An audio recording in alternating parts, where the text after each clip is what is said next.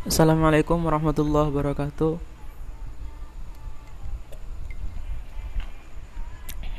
Bismillah, alhamdulillah.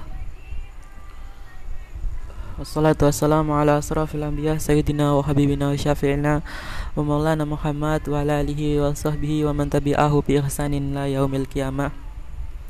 Uh, selamat malam pada kesempatan kali ini kita akan melanjutkan pembahasan kita uh, dengan tema sejarah dinasti Umayyah.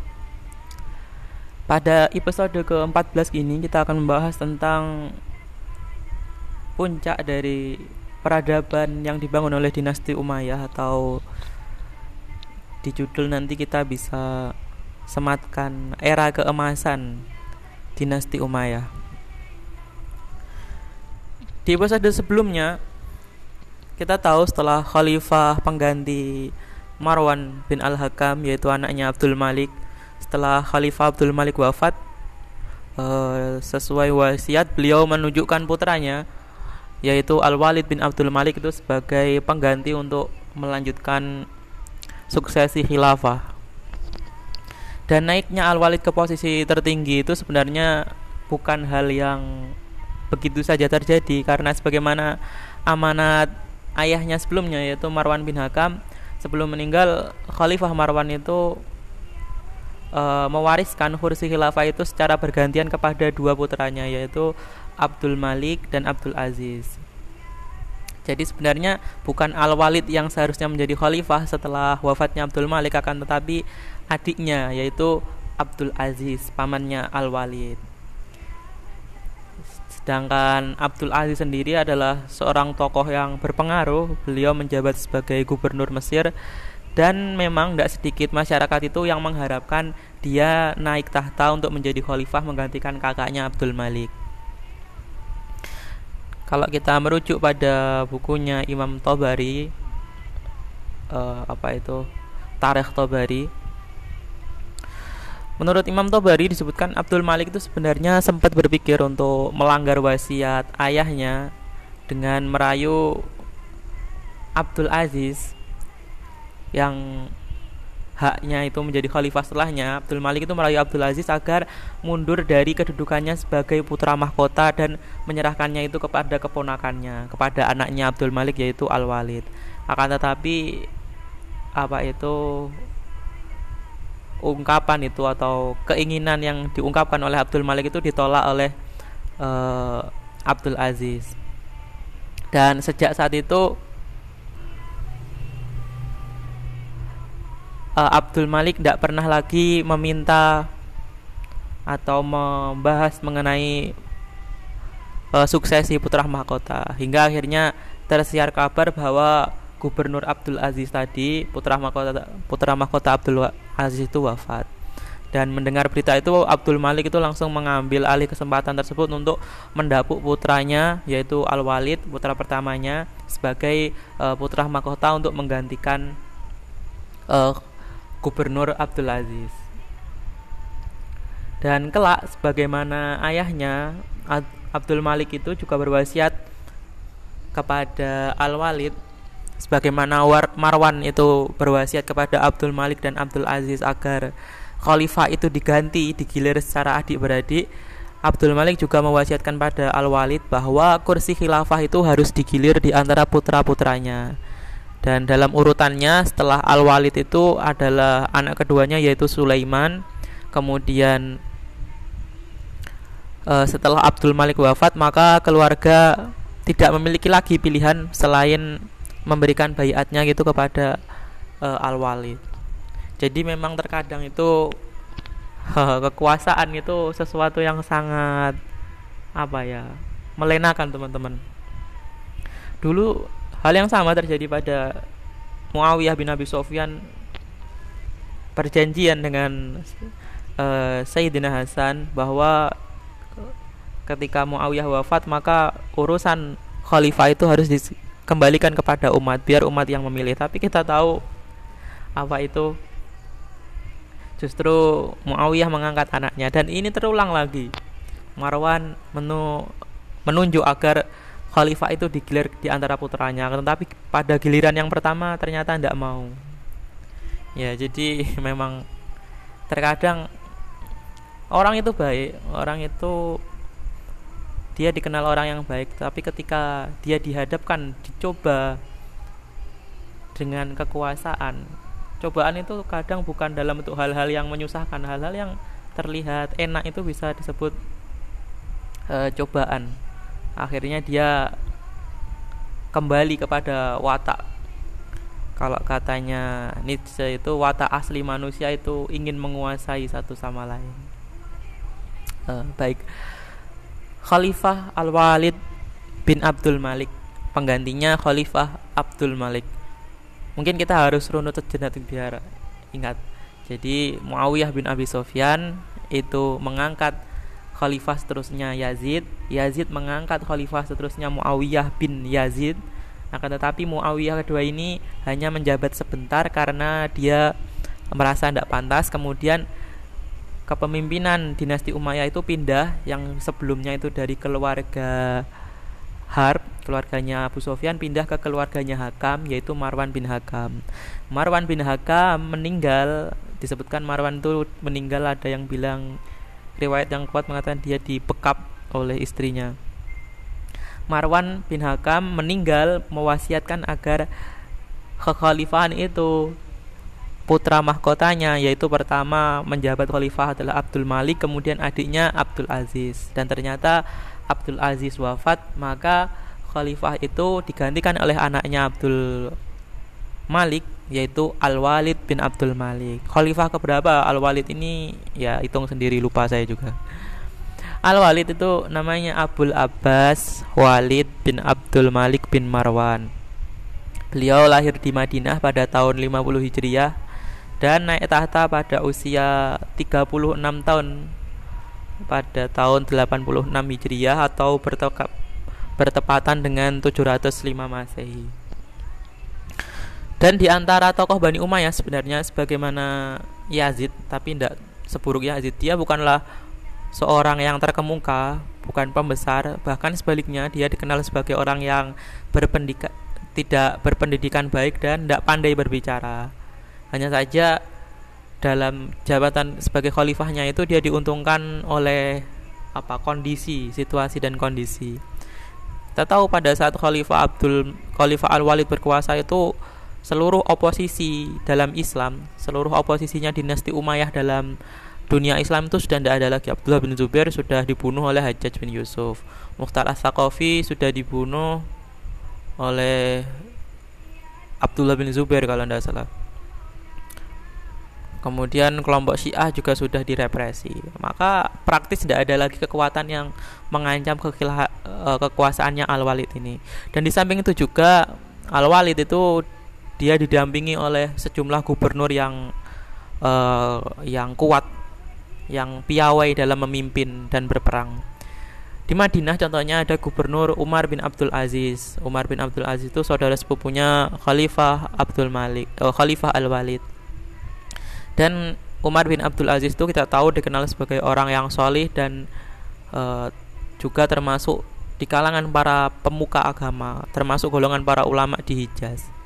Dan di wilayah barat di Al-Walid itu memiliki gubernur Al-Hajjaj bin Yusuf yang sebelumnya menjadi gubernur di Hijaz dan kita tahu dia berhasil menghancurkan dan membunuh Abdullah bin Zubair pada masa pemerintahan bapaknya Al-Walid yaitu Abdul Malik dan di wilayah barat Abdul Al-Walid memiliki seorang gubernur di Afrika Utara yang bernama Musa bin Nusair. Dan sedang di Damaskus sendiri uh, Al-Walid itu mewarisi dari uh, khalifah sebelumnya sebuah sistem manajemen tata negara yang sudah sangat uh, matang. Dan di dalam bidang kemiliteran dia memiliki panglima yang dikenal uh, tidak terkalahkan, terkenal kuat seperti Mas Lama bin Abdul Malik. Mas Lama bin Abdul sendiri Malik sendiri itu adiknya Abdul Malik tapi adiknya Al Wali tetapi beda beda ibu sama bapak beda ibu. Dan hampir semua sejarawan itu sepakat bahwa masa pemerintahannya Al Walid itu adalah masa keemasan dinasti Umayyah. Akan tetapi sebenarnya kalau kita e, mencoba mengkaji lebih dalam progresivitas itu lebih disebabkan dari kecerme apa itu piawainya atau piawainya atau kecerme kecemerlangan para gubernur-gubernur al-walid yang memerintah di kawasan yang e, jauh tersebut dan masing-masing gubernur itu memiliki hak otonomi atau diberi wewenang penuh untuk mengatur dirinya sendiri. Bahkan untuk menentukan siapa orang yang bisa dipercaya menjadi penguasa di wilayah di wilayah taklukan itu al-walid itu angkat tangan dan menyerah, menyerahkan tugasnya pada gubernur-gubernurnya. Di wilayah barat contohnya Musa bin Nusair itu berhasil membangun kekuasaan yang kuat di Afrika dan itu menjadi penopang kekuatannya untuk terus melakukan serangkaian penaklukan dan serangkaian serangan ke barat hingga ke tepi selat Gibral, Gibraltar. Dan di sinilah nanti ia mengutus seorang panglima perang yang terkenal namanya adalah Tariq bin Ziyad yang berhasil menaklukkan daratan Eropa. Disebutkan For your information, Torik bin Ziyad itu bersama 7000 pasukan itu dengan menggunakan kapal-kapal perang menaklukkan Selat Gibraltar pada tahun 711 Masehi. Dia mengalahkan pasukan Roderick. Pasukannya kalah dan panglimanya sendiri Roderick itu bunuh diri. Dan setahun kemudian uh, gubernur Afrika yaitu Musa bin Nusair itu datang ke Spanyol dengan membawa sekitar 18.000 pasukan. Dan bersama Torik bin Ziyad, Musa itu dan pasukannya terus merangsek ke Spanyol dan berhasil menguasai wilayah Zaragoza, wilayah Tarragona dan Barcelona. Dan rangkaian peristiwa itu uh, hal yang terekam baik dalam baik dalam sejarah Islam maupun sejarah Barat karena termasuk peristiwa momentum di mana penentuan masuknya pengaruh Islam ke daratan Eropa yang nanti kemudian berefek domino setidaknya ke era Renaissance. Baik, kembali ke Al-Walid. Di wilayah timur, gubernurnya Hajat bin Yusuf itu juga tidak kalah sukses dengan mengutus seorang gubernur yang sekaligus panglima bernama Kutaibah bin Muslim untuk mengelola kawasan Khurasan eh, Hajjaj bin Yusuf itu berhasil merentangkan areal kekuasaan Bani Umayyah hingga ke kawasan Asia Selatan dan Tengah. Awalnya ketika pertama kali panglimanya tadi Kutaibah itu tiba di Khurasan, beberapa raja itu e, masih membangkang. Namun namun e, pembangkangan itu pembangkangan itu langsung ditindak cepat oleh Kutaibah dan satu persatu kawasan itu kawasan tundukan dan tundukan dan jajan itu membayar upeti pada dinasti Umayyah. Bahkan dalam ekspedisi penaklukan ini ada kisah disebutkan bahwa adik kaisar Cina itu juga korban dari ekspansi Kutaibah tadi. Dan kalau kita merujuk catatannya Akbar Shah, dia mengatakan setelah mendengar serangkaian ekspedisi mengagumkan yang dipimpin oleh Kutaibah itu, Raja Sri Lanka pun ikut memberikan upeti pada dinasti Umayyah. Dan dengan suksesnya serangkaian penaklukan itu, dinasti Umayyah akhirnya apa surplus pendapatan kalau istilah ekonominya. Maka akhirnya dari banyaknya harta yang diterima dari wilayah-wilayah penaklukan itu sangat wajar bila pembangunan itu gelak, sering dilakukan e, di masa Al-Walid. Dan terlepas dari semua itu berasal dari kekejaman seorang Hajjaj bin Yusuf dalam memberangus kelompok oposisi ataupun Musa bin Nusair yang menindak tegas perlawanan dari sejumlah Afrika Utara itu karena memperlakukan wilayah tersebut layaknya koloni. Tapi intinya yang dicatat itu bertonton upeti atau bermiliar-miliar harta itu datang ke Damaskus dan dengan itulah e, dinasti Umayyah itu memasuki masa keemasannya.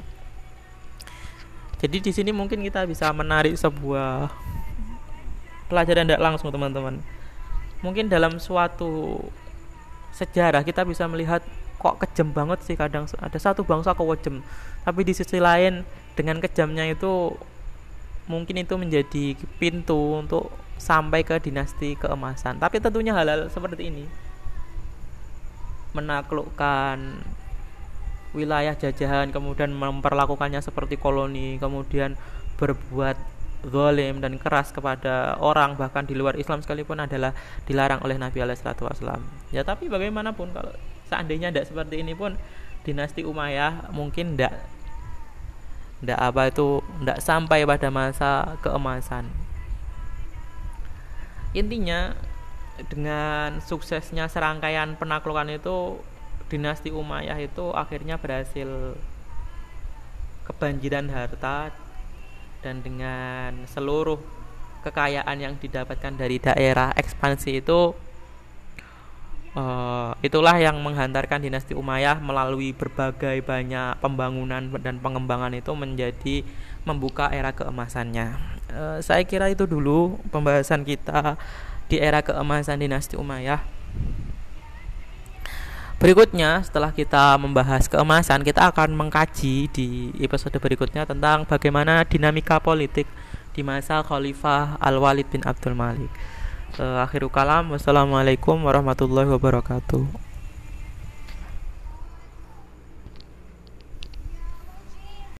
Assalamualaikum warahmatullahi wabarakatuh.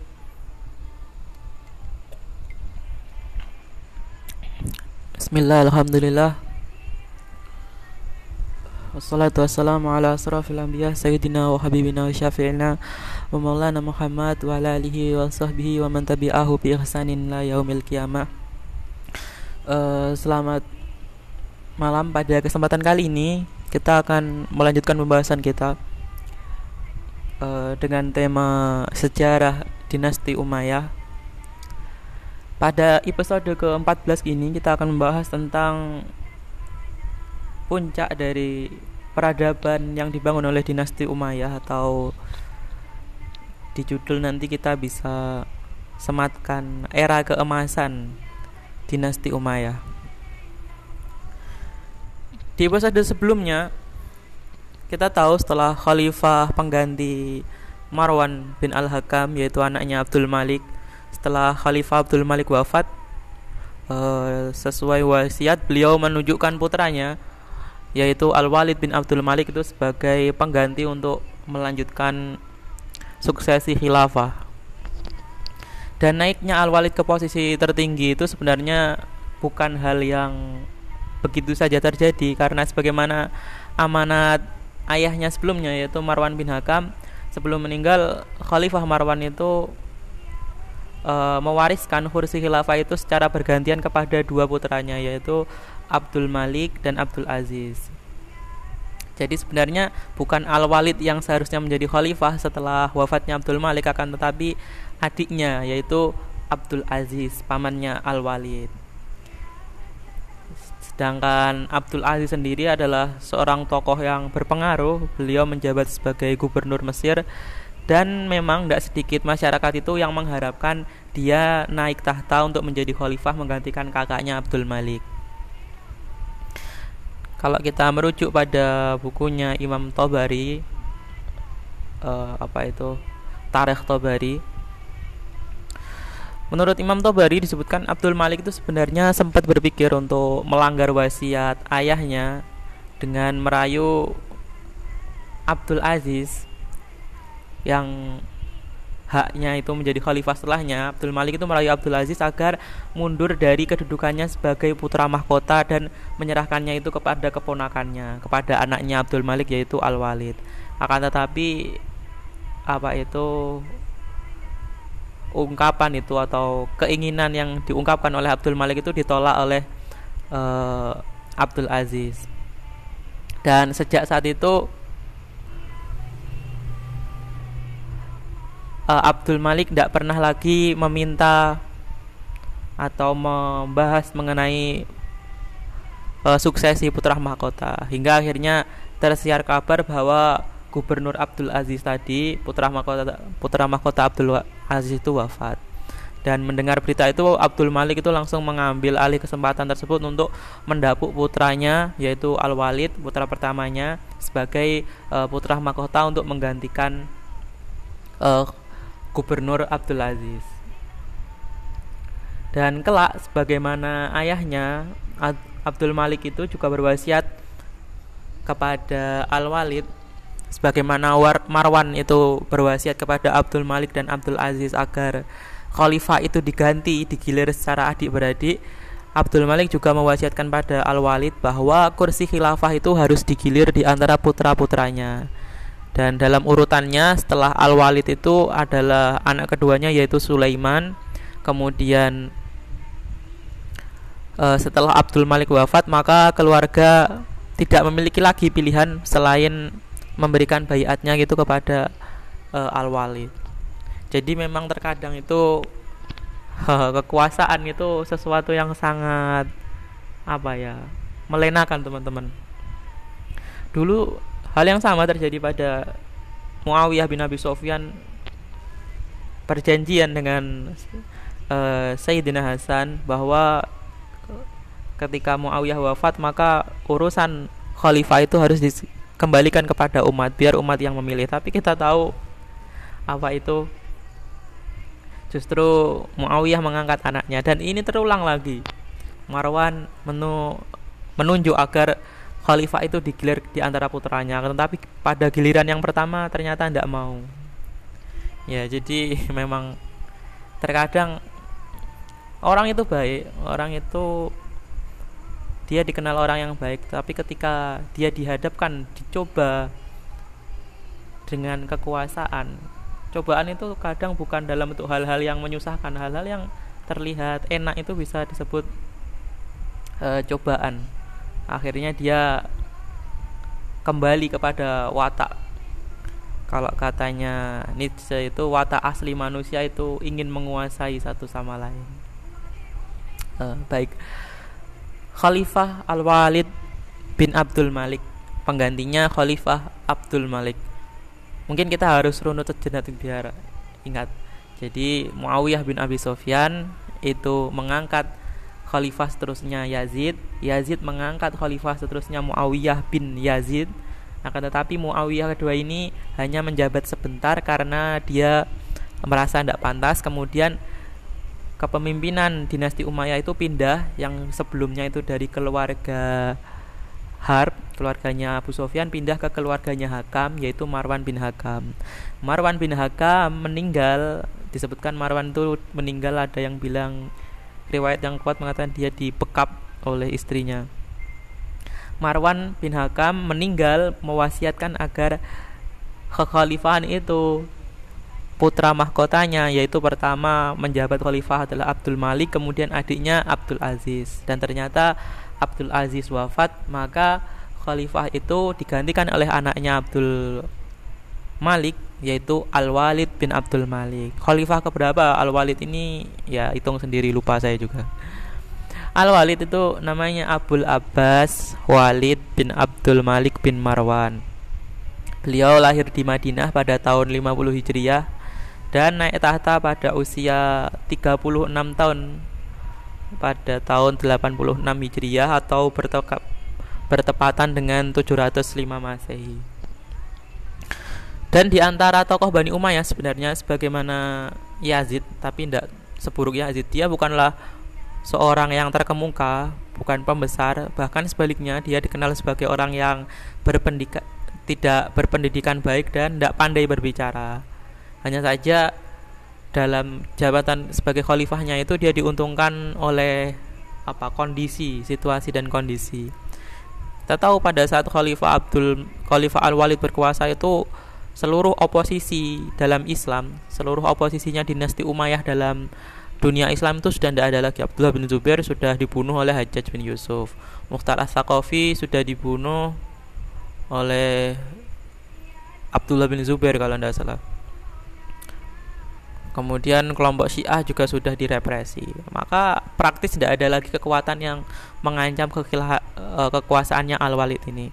Dan di samping itu juga Al-Walid itu dia didampingi oleh sejumlah gubernur yang uh, yang kuat yang piawai dalam memimpin dan berperang.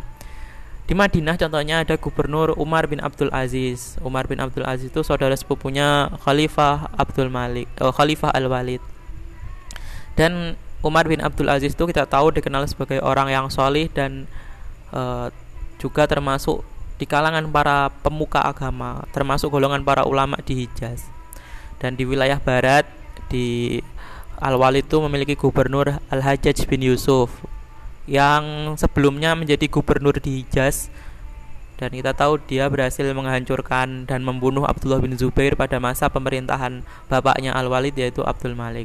Dan di wilayah barat Abdul Al-Walid memiliki seorang gubernur di Afrika Utara yang bernama Musa bin Nusair. Dan sedang di Damaskus sendiri uh, Al-Walid itu mewarisi dari uh, khalifah sebelumnya sebuah sistem manajemen tata negara yang sudah sangat uh, matang. Dan di dalam bidang kemiliteran dia memiliki panglima yang dikenal uh, tidak terkalahkan terkenal kuat seperti Mas Lama bin Abdul Malik. Mas Lama bin Abdul sendiri Malik sendiri itu adiknya Abdul Malik tapi adiknya Al Wali tetapi beda beda ibu. Sama bapak beda ibu. Dan hampir semua sejarawan itu sepakat bahwa masa pemerintahannya Al Walid itu adalah masa keemasan dinasti Umayyah. Akan tetapi sebenarnya kalau kita e, mencoba mengkaji lebih dalam progresivitas itu lebih disebabkan dari kecerme apa itu piawainya atau piawainya atau kecerme kecemerlangan para gubernur-gubernur Al-Walid yang memerintah di kawasan yang e, jauh tersebut. Dan masing-masing gubernur itu memiliki hak otonomi atau diberi wewenang penuh untuk mengatur dirinya sendiri. Bahkan untuk menentukan siapa orang yang bisa dipercaya menjadi penguasa di wilayah di wilayah taklukan itu al-walid itu angkat tangan dan menyerah, menyerahkan tugasnya pada gubernur-gubernurnya. Di wilayah barat contohnya Musa bin Nusair itu berhasil membangun kekuasaan yang kuat di Afrika dan itu menjadi penopang kekuatannya untuk terus melakukan serangkaian penaklukan dan serangkaian serangan ke barat hingga ke tepi selat Gibral, Gibraltar. Dan di sinilah nanti ia mengutus seorang panglima perang yang terkenal namanya adalah Tariq bin Ziyad yang berhasil menaklukkan daratan Eropa. Disebutkan For your information, Torik bin Ziyad itu bersama 7000 pasukan itu dengan menggunakan kapal-kapal perang menaklukkan Selat Gibraltar pada tahun 711 Masehi. Dia mengalahkan pasukan Roderick pasukannya kalah dan panglimanya sendiri Roderick itu bunuh diri. Dan setahun kemudian uh, gubernur Afrika yaitu Musa bin Nusair itu datang ke Spanyol dengan membawa sekitar 18.000 pasukan dan bersama Torik bin Ziyad Musa itu dan pasukannya terus merangsek ke Spanyol dan berhasil menguasai wilayah Zaragoza, wilayah Tarragona dan Barcelona. Dan rangkaian peristiwa itu uh, hal yang terekam baik dalam baik dalam sejarah Islam maupun sejarah Barat karena termasuk peristiwa momentum di mana penentuan masuknya pengaruh Islam ke daratan Eropa yang nanti kemudian berefek domino setidaknya ke era Renaissance. Baik, kembali ke Al-Walid. Di wilayah timur, gubernurnya Hajat bin Yusuf itu juga tidak kalah sukses dengan mengutus seorang gubernur yang sekaligus panglima bernama Kutaibah bin Muslim untuk mengelola kawasan Khurasan uh, Hajjaj bin Yusuf itu berhasil merentangkan areal kekuasaan Bani Umayyah hingga ke kawasan Asia Selatan dan Tengah. Awalnya ketika pertama kali panglimanya tadi Kutaibah itu tiba di Khurasan, beberapa raja itu e, masih membangkang. Namun namun e, pembangkangan itu pembangkangan itu langsung ditindak cepat oleh Kutaibah dan satu persatu kawasan itu kawasan tundukan dan tundukan dan jajan itu membayar upeti pada dinasti Umayyah. Bahkan dalam ekspedisi penaklukan ini ada kisah disebutkan bahwa adik kaisar Cina itu juga korban dari ekspansi Kutaibah tadi. Dan kalau kita merujuk catatannya Akbar Shah, dia mengatakan setelah mendengar serangkaian ekspedisi mengagumkan yang dipimpin oleh Kutaibah itu, Raja Sri Lanka pun ikut memberikan upeti pada dinasti Umayyah. Dan dengan suksesnya serangkaian penaklukan itu, dinasti Umayyah akhirnya apa surplus pendapatan kalau istilah ekonominya. Maka akhirnya dari banyaknya harta yang diterima dari wilayah-wilayah penaklukan itu sangat wajar bila pembangunan itu gelak sering dilakukan e, di masa Al-Walid. Dan terlepas dari semua itu berasal dari kekejaman seorang Hajjaj bin Yusuf dalam memberangus kelompok oposisi ataupun Musa bin Nusair yang menindak tegas perlawanan dari sejumlah Afrika Utara itu karena memperlakukan wilayah tersebut layaknya koloni. Tapi intinya yang dicatat itu bertonton upeti atau bermiliar-miliar harta itu datang ke Damaskus dan dengan itulah e, dinasti Umayyah itu memasuki masa keemasannya. Jadi di sini mungkin kita bisa menarik sebuah pelajaran tidak langsung teman-teman.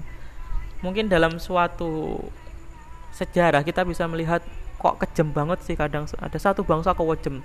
Tapi di sisi lain dengan kejamnya itu mungkin itu menjadi pintu untuk sampai ke dinasti keemasan. Tapi tentunya hal-hal seperti ini menaklukkan wilayah jajahan kemudian memperlakukannya seperti koloni kemudian berbuat zalim dan keras kepada orang bahkan di luar Islam sekalipun adalah dilarang oleh Nabi Alaihissalam.